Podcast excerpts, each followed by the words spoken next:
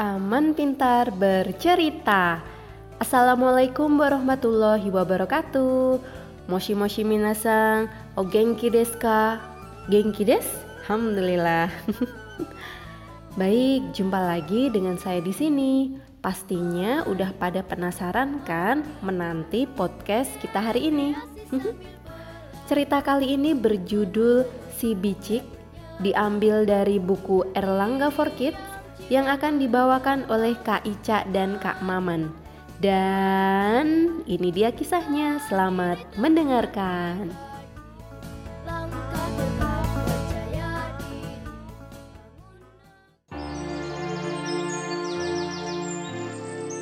Alkisah di sebuah gubuk tua dan reot yang berada di tepi hutan, tinggallah seorang ibu dan anak lelakinya.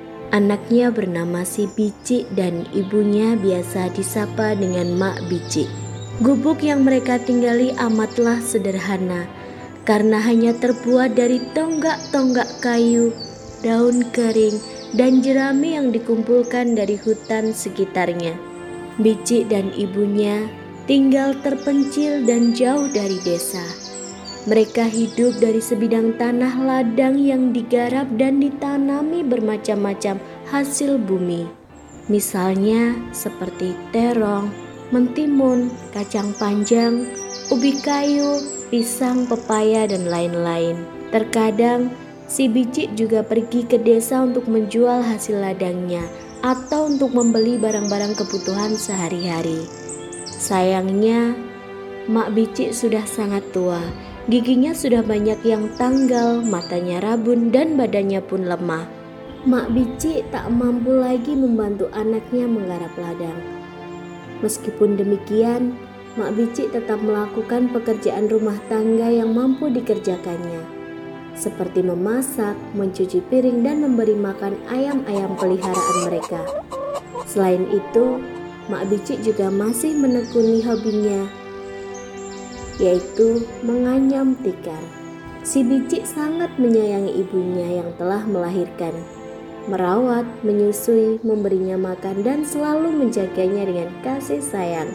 Apalagi setelah ayahnya meninggal, setiap saat si bicik tak berhenti berpikir dan berusaha agar ibunya dapat hidup senang dan jauh dari kesusahan atau kesulitan. Setiap hari Kegiatan si bicik dimulai dengan bekerja di ladang. Lalu ia mengambil air ke sungai untuk mandi, memetik sayur-sayuran dari ladang, dan mengupas kelapa.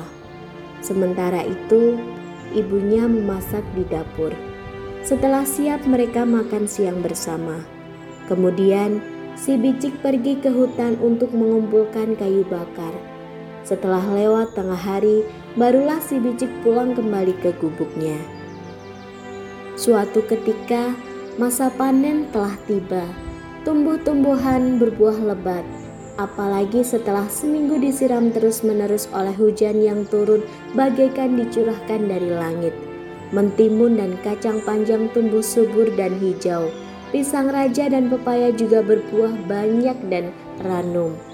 Seperti biasa, setelah santap siang bersama ibunya, si bicik hendak pergi ke hutan untuk mencari kayu bakar. Dan ketika ia melewati ladangnya, ia tersenyum dengan gembira sambil berlalu. Ia memetik dua buah mentimun lalu memakannya. Wah, enak. Minggu depan aku tak hanya membawa kayu bakar, tetapi hasil ladangku ke desa. Setelah itu, uangnya akan kubelikan baju untuk emak. Burung-burung beterbangan mengiringi langkah si bicik sambil bernyanyi dengan merdu. Bicik juga membiarkan burung-burung mematuk buah pepaya di ladangnya.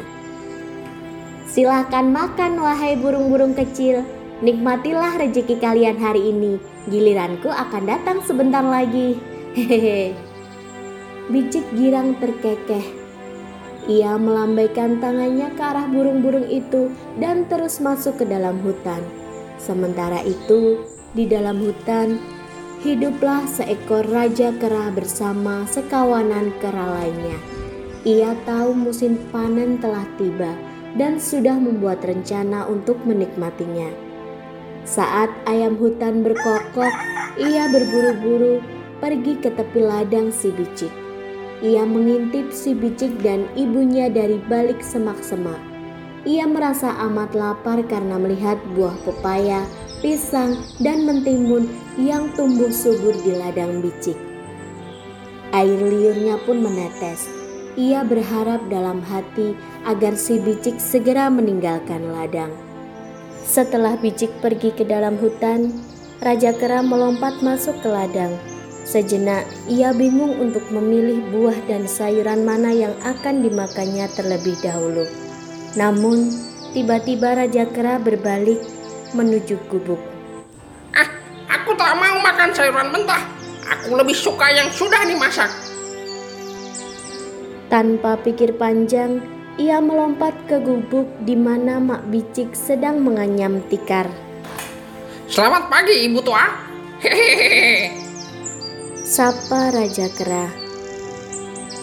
Mak Bicik terkejut dan gemetar ketakutan melihat kera besar yang tiba-tiba berdiri di hadapannya. Tak usah takut. Aku adalah Raja Kera. Sekarang aku lapar karena sejak pagi aku belum makan. Kapan anakmu pulang? Mak Bicik memberanikan diri menatap si Raja Kera dan menjawab, Biasanya Bicik baru pulang setelah matahari tergelincir. Baiklah. Nah, sekarang dengarkan perintahku. Rebuslah ubi, kupas kelapa, dan carikan kutu di badanku. Mengerti? Raja Kera, Mak sudah tua, Mataku sudah rabun dan kakiku lemah. Aku tak kuasa bekerja lagi. Tiba-tiba si kera melompat mendekati Mak Bicik. Wajah Mak Bicik berubah pucat dan jantungnya berdebar kencang.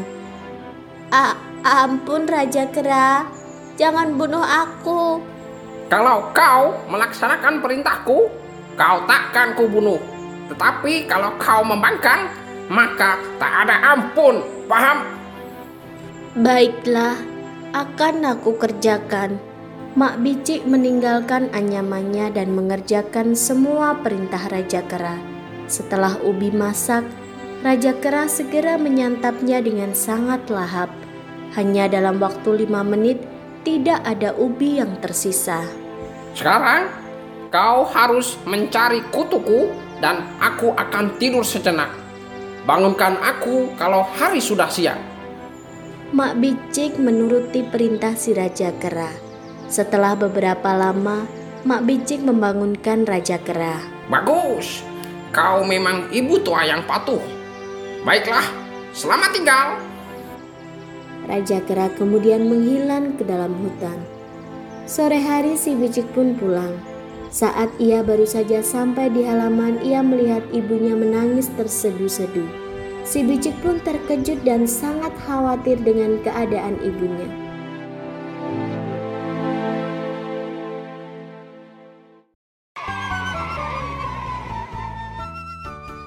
Sahabat Tepi, demikian tadi cerita si Bicik episode pertama.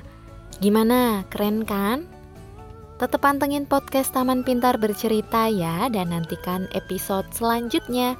Wassalamualaikum warahmatullahi wabarakatuh. Taman Pintar Yogyakarta mencerdaskan dan menyenangkan. Salam pintar.